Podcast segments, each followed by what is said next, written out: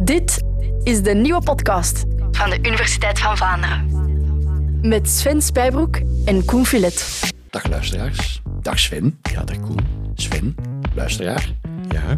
Onlangs heeft de NASA een ruimtetuig naar een asteroïde gestuurd in een poging om die asteroïde uit haar baan te wrikken. Ja. Redelijk spectaculaire science Ja. fiction, hè? Ja, en het is nog gelukt ook. Ehm, ik zat me zo af te vragen, dat moet, dat moet verschrikkelijk veel geld gekost hebben. Het had te maken met het gevaar dat ons bedreigt dat zo'n asteroïde ooit op de aarde zou terechtkomen. Ja. Ik denk, ja, de kans dat dat gebeurt is zo klein. Maar als je erover nadenkt, als ze daar zoveel geld voor over hebben, Dan moet het zijn dat ze daar toch heel bang voor zijn. daar echt, dat dat echt een reëel gevaar is dat ons bedreigt. Ja. Ik vraag me af, hoe reëel is dat gevaar? Hoe groot is de kans dat er vroeg of laat een meteoor op aarde valt? Heb jij chance, Koen? Er zit iemand naast jou. Die gaat dat weten, hè? Ja, professor Blommaert, Joris Blommaert, van de VUB en van het Vlaams Instituut voor Technologisch Onderzoek. Een eh, astronoom en een astrofysicus. Zullen we meteen de vraag beantwoorden, hoe groot is die, hoe groot is die kans, professor? Hangt een beetje af van de afmeting van de asteroïden. Eh, dus ja, er zijn bijvoorbeeld tien jaar geleden hebben we inderdaad een impact gehad van een, eh, een zeer grote meteoor, die Ah. in de orde van Oei. een dertigtal meter was. Oh, u, u vertelt dat alsof wij dat allemaal Wat? weten. Dat je... Ik heb dat gemist. Ja? Waar is die, Eh, waar is die neergedonderd? Die is eigenlijk boven Rusland eh, ontploft. Boven Rusland. En heeft toen eh, heel veel schade berokkend. Er waren geen slachtoffers eigenlijk. Ja, er waren wel veel gewonden. Maar het is niet zo dramatisch geweest. Het, de grote impact natuurlijk die bekend is, is eh, de impact die de dinosauriërs eh, aan hun einde heeft gebracht. Ja. Dat is 65 miljoen jaar geleden. Ja. Dus de kans op zoiets is, eh, is natuurlijk een stuk beperkter. En dat was een, een gigantische meteoriet van welke diameter ongeveer? Ja, de schatting is dat dat tegen de 10 kilometer eh, di- eh, diameter was, Oké. zo'n asteroïde. En die is ergens in Mexico of zo neergekomen, hè? Die, Die is eh, vlak bij de Golf van Mexico, eh, bij Yucatan, eh, terechtgekomen. Ja. Nu, ondertussen ben ik al vergeten hoe lang het geleden is dat die Russische... Dat is ongeveer een tien jaar. En dus de, de kans op zo'n eh, ja, impact of een inslag, die eh, hangt natuurlijk samen met de, de grootte van de asteroïdes. Ja. Eh, eigenlijk met de aarde gaan we de hele tijd door, draaien door de ruimte in ons zonnestelsel rond de zon. En in feite ja, lijkt alsof dat een vrij lege ruimte is, maar daar zit best wel veel materiaal in. En- Dus die kans dat er zoiets op ons hoofd valt, is, is wel degelijk reëel. Alleen het formaat van die steen die, die hier terechtkomt, dat, dat, dat kan wat verschillen. Daar zit heel veel verschil tussen. En de kans dat die, eh, dus bijvoorbeeld iets van een 10 meter eh, of zo gaat invallen, dat is echt al, eh, ja, in een decennium kan dat gebeuren. Ja. Dat is de kans daarop.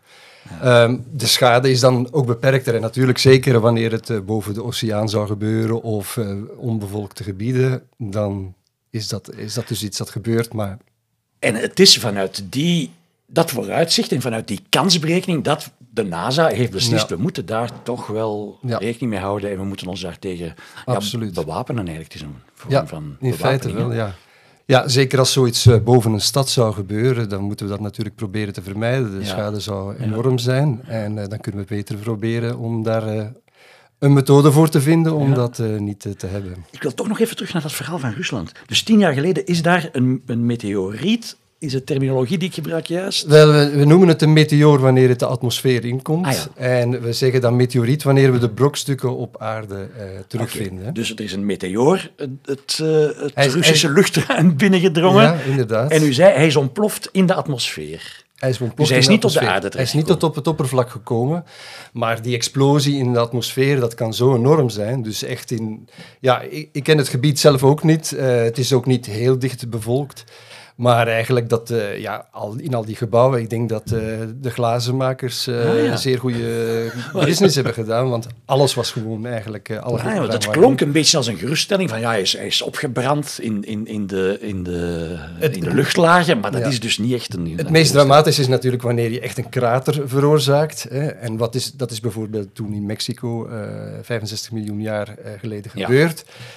Ja, dan wordt al dat materiaal dat in die krater zit ook nog eens een keer omhoog geschoten in de atmosfeer. En, dat- en dat is ook de reden waarom eigenlijk die, al die dinosauriërs eh, aan hun einde zijn ja, want er zo, zat toen zo waanzinnig veel stof, geloof ik, in de lucht, dat de zon verduisterd werd, dat de planten dan niet meer deftig kunnen groeien. En, En dat heeft jaren enzovoort, geduurd. enzovoort. Ja, Ja, ja, dat ja, heeft ja. jaren geduurd Oké. om dat te...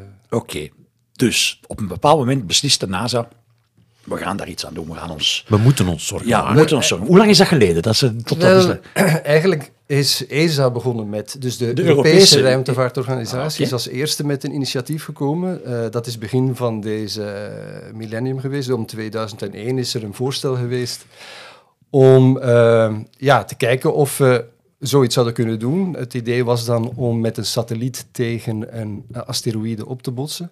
En er nog een tweede satelliet naast te hebben om goed te kunnen waarnemen wat er aan het gebeuren was op het moment dat je er tegen aanbotst. Dat was het idee. Maar het was nogal een heel duur project. En eh, ESA wou er op dat moment helemaal niet aan. In feite, Maar wacht, het lijkt me ook een heel raar idee, niet? Zo- Zo'n zo'n meteoor, moet ik zeggen? wel, in dit hè? geval is, eh, ja, Of een zou een asteroïde asteroïde. noemen. Ja. Dat is een gigantische hoop steen, Mhm. Beton, zeg maar. Beton niet, nee. Nee, maar steen wel. Ja. Een satelliet, dat is iets van niks. Hè? Dat is zo'n prutsding met wat zonnepaneeltjes. En dat, dat kan toch nooit een deftige impact hebben? Wel, ja, eh, twee weken geleden is bewezen dat het dus wel degelijk werkt. Hè? Eh, want dat, eh, ja, die, die satelliet, die, de satelliet zelf, eh, die door de NASA eh, is gelanceerd dan uiteindelijk, is iets van een 500 kilogram eh, heeft hij. En dat is een redelijk gewicht, maar ja, als je dat vergelijkt met eh, Ja, de dat- asteroïde, die was tuurlijk 5, niet. 5 miljard kilogram. Ja. Eh, dus eh dat is dit nogal een, een Dat behoorlijk is toch van verschil tussen... speldenprikken, ja. Maar je mag niet vergeten, eigenlijk die, eh, de manier waarop die asteroïden in elkaar zitten, dat is, dat kan, je hebt er verschillende soorten in. Je hebt dus eh, metaalachtige, maar je hebt er ook, eh, we noemen, in het Engels wordt het altijd rubble pile genoemd. Het is gewoon een puinhoop, een samenklontering van, van, dat is eigenlijk vrij poreus, vrij los. Dus het is niet zo dat... eh, ja, dat, dat, dat, dat echt iets zeer eh, hard, of, of tenminste, je hebt er verschillende soorten in, maar de meeste zijn waarschijnlijk vrij, vrij poreus. Ja. En, en waarbij de, ja, de manier waarop dat ontstaat, is gewoon dat, dat gruis dat, dat zich in het, ons zonnestelsel bevond, ja, dat is beginnen samen te klonteren en steeds grotere brokken beginnen te maken. En zo worden die asteroïden ge- eh, gemaakt eigenlijk. Het is eigenlijk nog een heel belangrijk onderwerp van, van studie voor de sterrenkunde, van hoe werkt dat mechanisme nu precies, hoe maak Ja. je die? En het ene soort eh, materiaal moet je, moet je anders bestrijden dan het andere. Waarschijnlijk wel. Eh, we hebben in dit geval inderdaad één type gedaan. Ja. Eh, we moeten er eigenlijk nog meer gaan lanceren om te gaan zien hoe het eh, bij andere soorten asteroïden zal gaan. Ja. Maar, Maar- maar, u was aan het vertellen, dus de- 30 jaar, 20 jaar geleden de ESA, die, die ondervonden, ja, dit gaat veel te veel kosten. Dan zijn ze bij de NASA gaan aankloppen. Ik zat mij net af te vragen, zo'n meteoor die neerkomt op de aarde, we hebben daar allemaal last van. Hè? De dinosaurussen zijn over de hele aarde uitgestorven, niet alleen, niet alleen in Mexico. Mhm. Dus je zou denken dat er een soort van aardse solidariteit ontstaat en dat alle ruimteinstanties beginnen samenwerken om ja, een, Wel- gemeenschappelijk doel formuleren. Maar dat is in dit geval ook echt het, eh, wat er aan de, aan de Ah, gang is. Hè? ja, dus eh, het is inderdaad zo dat NASA nu dit aspect heeft, of deze satelliet heeft gelanceerd. Maar het is wel in samenwerking met ESA. Eh, dus eh, in feite over twee jaar gaan gaat de ESA ook een eh, satelliet lanceren. En die gaat dus naar diezelfde asteroïde om te kijken wat was nu die impact en, en ja, wat voor soort asteroïde was het? Hoe groot zijn die effecten die we daarop zien? Ja, en ook goed begrijpen wat voor asteroïde het was, om te weten van was dat zo'n een fluffy en een beetje Ja. aan elkaar hangend ding, Ja. of was dat een, een compacte? Ja. Eh, dat dat zijn, is dus iets dat we over twee jaar gaan lanceren en dan over vier jaar Ja. gaan beginnen te bestuderen. Maar het is eh, wel inderdaad een goed punt wat je daar zegt, hè, die internationale samenwerking. Dat is ook zo. Eh, er is ook, zelfs nu, op dit moment, NASA werkt heel veel samen met Europese eh, sterrenkundigen die dus volop bezig zijn met de analyse van de data oh, die eh, al verkregen is. En ik moet ook zeggen, op het moment van die eh, inslag waren misschien wel een tiental telescopen allemaal aan het waarnemen Kijken, ja, ja. om te kijken van ja, wat is nu het effect. Ook de, de Hubble Space Telescoop, hè, die, die telescoop die in de ruimte hangt, en de James Webb, dat, die nieuwe spectaculaire telescoop. Ook die hebben op, op het moment van de eh, inslag eh, metingen gemaakt. Het is Dus een beetje zoals zeer- op aarde eigenlijk. Als er iets gebeurt, iedereen zijn telefoon boven en filmen. Maar... Ja, ja, ja, ja. Wetenschappelijk verantwoord. Ja, voilà. ja, Ja, maar je hebt inderdaad ook heel veel metingen nodig om Ja. te kunnen inschatten hoe, hoe eh, effectvol die, Ja. eh, die inslag is. Met mijn eh, middelbare schoolkennis van de fysica vond ik dat eigenlijk een beetje merkwaardig toen ik daar de berichtgeving over hoorde. Dat ja, we hebben nu die inslag gehad, maar we moeten echt nog, nog bekijken wat het resultaat is. Want het lijkt mij, met alle respect, en ik durf het bijna niet zeggen, het lijkt mij tamelijk simpele fysica. Twee biljartballen die met elkaar botsen. Je, je moet de massa's van die twee biljartballen Ja, kennen ja. en de snelheid waarmee dat ze op elkaar bollen en dan botsen. En dan moet je een beetje rekenen en dan weet je wat het effect is. Ik denk dat wij dat soort van Drie banden met ik denk dat we dat soort van vraagstukken kregen in de vijfde of de zesde klas van de middelbare school. Precies, en, eh, maar dat waren ook vereenvoudigde gevallen. Dat waren biljartballen, ja. En dat is denk ik nu het punt, hè? omdat eh, je, we weten het niet goed. Hoe, hard is die bal eh, waar we tegenaan gaan schieten? Dus, en daarbovenop, dus dat is sowieso een algemeen probleem, hè? die asteroïden. We zijn eigenlijk nog maar sinds, ik denk een tiental jaar, hebben we al een aantal keren een sat- met een satelliet naar een asteroïde gegaan en die daar ter plekke gaan bestuderen. En dus pas nu beginnen die inzichten te komen van wat is zo'n asteroïde eigenlijk? Vroeger ja, we deden wat metingen van hier op aarde, maar dat was zeer beperkt. Je kan dat heel, heel moeilijk eigenlijk eh, een goede kennis over opdoen, wat dat, wat dat inhoudt. Ik bedoel, er is natuurlijk veel geleerd, maar eh, pas sinds we er echt naartoe gaan, beginnen we echt goede inzichten te krijgen. Dus, en we, we zien dat het zeer divers is. Dus dat, dat, dat moet je ook al meer eh, in rekening brengen. Ja, van is dat iets dat nauwelijks aan elkaar hangt, of Ja. is dat Ja. een heel sterk ding? De Eh, ene asteroïde is de andere niet. Voilà, Ja. zeker en met waar. één zo'n inslagje kan je dan wel van alles leren, maar ik zou verwachten dat je een soort astronomisch tennisballenkanon maakt, waar je voortdurend tennisballen kan afvuren en kijken, ah, nu doet hij dit, nu doet hij dat, we veranderen de hoekjes. Ja. Eh, dat zou een prachtig experiment zijn natuurlijk, maar eh, deze kostte al eh, alleen bij de NASA was iets van een 350 miljoen dollar om, om daar naartoe te schieten. Dus ja, de, de volgende zal waarschijnlijk nog even wat spaargeld hebt dus als nodig hebben. wetenschapper voordat- één shot Ja. en Ja, daar moet je het ik- mee doen. Ik denk dat het wel een, een, een goed begin is natuurlijk. Hè. En, eh, we, gaan de, we gaan van deze al ontzettend veel leren. Ehm, maar er is nog een ander aspect waarom het ook nogal onzeker was. Eh, het is namelijk zo, men had eigenlijk iets heel slims bedacht. Waarom men eh, dacht, met één satelliet kunnen we eigenlijk al een hoop leren. Want ik zei in dat eerste voorbeeld van de ESA, waren twee satellieten die daar naartoe moesten. En het werd dus een heel duur eh, programma. En toen... de, de twee satellieten, omdat eentje die dan moest dan- inslaan en en, de andere andere die moest waarnemen wat er gebeurde. Ja, dat was het idee. Dus die eerste, dat is gewoon een lode bol of zoiets, iets, iets heel doms. En de, alle technologie zit in de tweede. Ja. ja. En, eh, maar toen hebben, heeft, eh, ja, ESA zei, ja, dat is veel te duur, dat gaan we Ja. niet doen. En toen is eh, op een bepaald moment heeft de NASA bedacht van, nou, weet je wel, we gaan het anders doen. We gaan een, een dubbel systeem gebruiken. Het zijn twee asteroïden die rond elkaar heen draaien. Oh. En dus dat, dat is ook de naam DART. Hè. Komt van Double Asteroid Redirection Tar- Test. En eh, dus we hebben hier te maken met twee asteroïden die rond elkaar heen aan het draaien zijn. Dus de ene is de grotere, Didymos. En de andere is Dimorphos, dat is een kleinere, iets van 160 meter diameter. En die draait rond die grote heen. Een dubbel systeem, ik, dat lijkt me de zaak ingewikkelder te maken eerder dan eenvoudiger. Dat, is, eh, dat zou je inderdaad denken, maar het heeft een heel groot voordeel. Je gaat eigenlijk zelfs met de telescoop op aarde in, in staat zijn om zeer precies de baan van die asteroïde waar tegen aangebost is, eh, precies te bepalen. En de reden is omdat dit is een dubbel systeem die precies in onze gezichtslijn ligt. Dat betekent dat op een bepaald moment de ene asteroïde voor de andere gaat schuiven. Ja. En daarna andersom natuurlijk, want de, de voorste... eh, Omdat hij er Ik, omdraait. ik hè. voel hem, je hebt een referentieplaneet nodig, of asteroïde, om te kunnen vergelijken. Want anders is dat gebeurt dat daar in een zwart gat. Wel, is- de baan van zo'n asteroïde eh, be- be- bepalen is echt niet zo eh, evident. Nee. Hè? En dat kan niet zo heel precies. Maar wanneer je dat hebt, dat hij gewoon een baantje aan het maken is rond een andere asteroïde, is een stuk makkelijker. En ook, we kunnen het van op aarde be- bekijken, omdat we dus zien hoe dat licht varieert elke keer als de ene asteroïde voor de andere komt. Dat geeft altijd een kleine wijziging in het licht van de, van de asteroïdes die je ziet. En dat gebeurt regelmatig, volgens een gebeurt- regelmatig dat, patroon. dat is met dat, met dat patroon van die 11-urige baan die hij heeft. 11 dat is uur voor- iets, iets, voor iets meer dan een- 11 Ja, uur ja, heeft hij ja. een baan. En dus elke keer zie je weer ah, een klein blipje in, in, de, in, het, in het licht. En dan botst die eh, satelliet er tegenaan. En dan En- kan je waaraan zien dat het effect heeft gehad? Wel, omdat op dat moment hij is er met zo'n snelle tegenaan ge- ge- gebotst eigenlijk, dat dus de baan iets veranderd is. Hij, hij gaat nu een, in een half uur bijna eh, sneller rond eh, de grote asteroïde heen.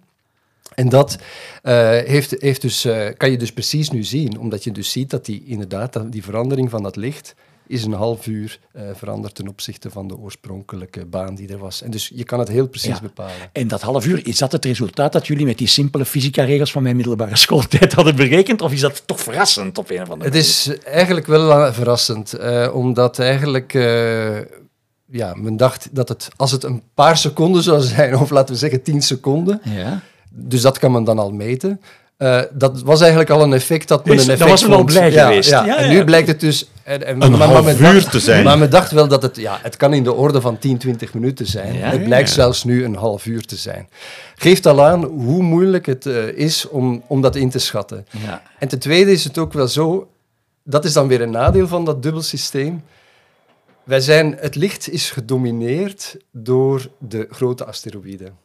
Ja. En die kleine, ja, die, die, die draagt maar een klein beetje Ja. bij. Dat betekent dus ook dat we er niet veel over weten. Dus we botsen tegen iets aan waarvan we een inschatting hebben gemaakt hoe groot die is, maar uit welk materiaal die bestaat enzovoort. Ah, dat weten we nog altijd niet. Dat, Ondanks daar gaan we nu wat meer over te weten camera's. komen, omdat we, ze hebben ook beelden gemaakt op het moment Ja. dat die impact eh, gebeurd is. Eh, dus daar leer je al wat van.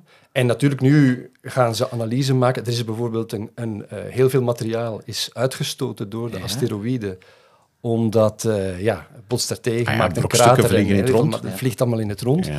Dus ja, je kan nu gaan berekeningen maken van ja, wat voor materiaal kan dat zijn dat je dan zo'n sliert van, van materiaal Ja. eh erachteraan Ja. krijgt. Zeg, maar als je dat nu toepast op een reëel gevaar, hè, stel dat er dat type eh, steen op ons afkomt Ja. en je stuurt daar een satelliet naartoe, die botst en dan valt het uiteen in gruizelementen, dan maak je het probleem eigenlijk groter. Want dan krijg je een soort van hagelschot dat op de aarde afkomt. Ik denk dat je er inderdaad wel voorzichtig moet mee zijn. eh, maar eh, ja, het grootste deel van die asteroïde is wel compact gebleven. Hè. Dus hij- er is wel materiaal weggestoten, maar we gaan ervan uit dat dat geen gigantische brokken zijn. eh. Ja, maar dat, Maar- weet, dat weten we Wel, dat is- toevallig. Ja. Hè? Nee, nee, maar ik, Dat dat, doet zij dit is niet, eh, het is nooit zonder risico's, Ja, denk ik. oké. En, eh, je, je, je kan, hè, het- dit toont aan dat we dus echt in staat zijn om zoiets eh, te veranderen van, van baan. Maar wat het gaat Eh, geven... Ik, ik moest aan drie banden denken om die biljartmetafoor door te trekken. Je kan wel beginnen met die eerste stoot en die eerste botsing, maar dan daarna, wat er op die tafel gebeurt, geen idee. Je kan een kettingreactie in gang zetten. Wel, ik, ik denk dat dat dus wel gaat meevallen, maar het, het is een... een eh, ja, het is net zoals de reden waarom die asteroïden een gevaar vormen, is omdat ze makkelijk uit hun, hun stabiele baan kunnen geschoten worden. Ja. Eh, ze zijn namelijk, ze hebben zelf niet zo superveel massa, komen ze in de buurt van iets anders dat veel massiever is, dan verandert die baan ook meteen. Ja. Dus er- er- ja, het zijn geen al te stabiele systemen. Dus je, je zal op korte termijn, of op korte termijn, laten we zeggen, voor de komende jaren ben je weer safe. Ja. Maar je gaat het in de gaten moeten blijven houden, Ja. natuurlijk. Is, is er een soort, soort sterrenwacht die de hele tijd zit de ruimte af te speuren van wat er op ons afkomt? Inderdaad, ja. Dus eh, eigenlijk, nou, naar aanleiding bijvoorbeeld van wat er in Rusland is gebeurd, maar waren vast al mensen die daar al eerder eh, aan dachten, hè, maar eh, toen is er echt nog een beetje meer de urgentie gevoeld. Eh, heeft men besloten van, ja, we moeten gewoon de hele hemel beginnen te be- bekijken, de hele tijd op zoek Ja. naar asteroïden. En dat is wat er nu gebeurt ook. Hè. Dus er zijn een 30.000-tal eh, asteroïden. Ah, ik dacht Die- dat u ging zeggen bewakingscamera's die de hele tijd het heelal in de nee, gaten Er zijn, houden. er zijn een aantal telescopen en er worden ook nog nieuwe bijgebouwd Mhm. die daarvoor eh, constant gebruikt worden. Ah, ja.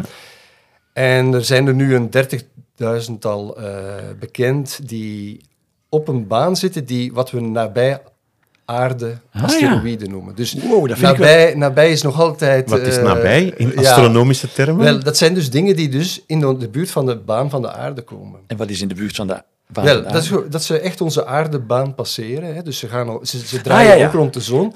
Maar ze doen dat echt daarbij bij. En hangt er dan maar een beetje vanaf waar de aarde zich in ja, ja. van Ja, dus de meeste van de tijd zit je goed, Ja. maar het Ja, zal ja. wel eens een keer gebeuren dat ze allebei op dezelfde plek Ja. moeten zijn. En dan is het waar wanneer de impact gebeurt. Ah, is dat iets wat je online kan volgen? Lijkt mij super spannend. Bestaat er een Eh, appje voor de telefoon? nou, dat wordt wel... eh, Dat, dat denk ik niet, want voor 30.000 asteroïden is dat wel... eh, maar er, is wel... je kan die gegevens... Je kan er wel een hoop van die gegevens terugvinden. Maar... eh, Je hebt een wetenschapper nodig om ze te begrijpen. Die dat- maar eh, kijk, die banen die worden eh, berekend, eh, maar ja, heel vaak is dat gewoon geen enkel risico uiteindelijk. Hè? Dus er wordt eerst gezegd van oei, oei, misschien komt dat toch wel vrij dichtbij. En dan wordt die baan beter berekend en dan blijkt het uiteindelijk mee te vallen. Maar we hebben nu binnenkort, eh, in, ik denk eind van dit decennium, is er eentje, die is dacht ik 170 meter groot. Dat is wat groter dan degene dan die we van eh, twee weken geleden tegenaan gebotst zijn. En die komt echt op wel iets van een 30.000 kilometer afstand. 30.000, dat is nog... We gaan daar geen last van hebben. Hoe, ver is de maan van, van hier? Ja, 340. eh, Ja, maar Ah is eh, 30.000 toch al dat is dichtbij, ja. Ja, maar dat is astronomisch bekeken. Nee, nee, nee. eh, eh, in, Is eh, is hit. een treffer voor de Ja. deur, hè? Wauw. En dat is het einde van, van dit decennium, dat is het einde van de jaren 20 van deze eeuw. Ja, dus 2029. We gaan het nog meemaken. We gaan het zeker En- meemaken. ja. En is dat dan een steen waar we ons toch stilaan onze kanonnen moeten op eh, beginnen richten? Wel, hij blijkt dus op 30.000 kilometer te komen en, en daarna gaat hij weer weg. maar Dus de goede dat- huisvader... dat- wel, ik, ik, Haalt zijn ik- kanon boven. bij 30.000 kilometer eh, gaan we dus niet ingrijpen. Ah, je gaat, oké. gaat pas echt ingrijpen wanneer, begrijpen wanneer je zegt van ja, het gaat echt tegen ons aanbotsen. Eh, maar we gaan wel proberen om er naartoe te gaan. Om dus eh, Oh ja, om Oh, metingen u- te maken. U wrijft zich in de handen. Ja, ja, ja. Ja, inderdaad. ja. Ja, ja. Nee, maar Ja. dat is een ideale kans inderdaad om zo'n... Want ook, de vraag is, en dat is wat ik daarnet vertelde, die asteroïdes die zijn zeer gevoelig voor, elk, voor al die verstoringen. Komt die zo dicht bij de aarde, wat gaat dat doen aan, aan zijn baan? Hè? Gaat die... Ah, maar misschien gaan wij uit onze baan schieten. Als we Nee, niet dat, dat, dat, wij zijn iets te massief. eh ja, in voor, vergelijking met dat wij- kleine dat, dingetje. Dat gaan we niet voelen. Maar, maar die asteroïde zelf kan, gaat zijn, zijn baan Ja. kan veranderen. En dan de volgende keer komt hij misschien weer wat dichterbij. Dus eh, dat zijn Goed, dingen eh, dat je... iedereen neemt zijn agenda. 2029 was het, hè? Dan moeten we hier Ja, terugkomen ja, ja. zitten. Apophis, eh, zijn, eh, de, de naam van de asteroïde. Zeg dat nog eens. Apophis. Apophis. Ja. Oké. Apophis, 2029. Genoteerd. Professor Blommaert, dank u wel. Alsjeblieft.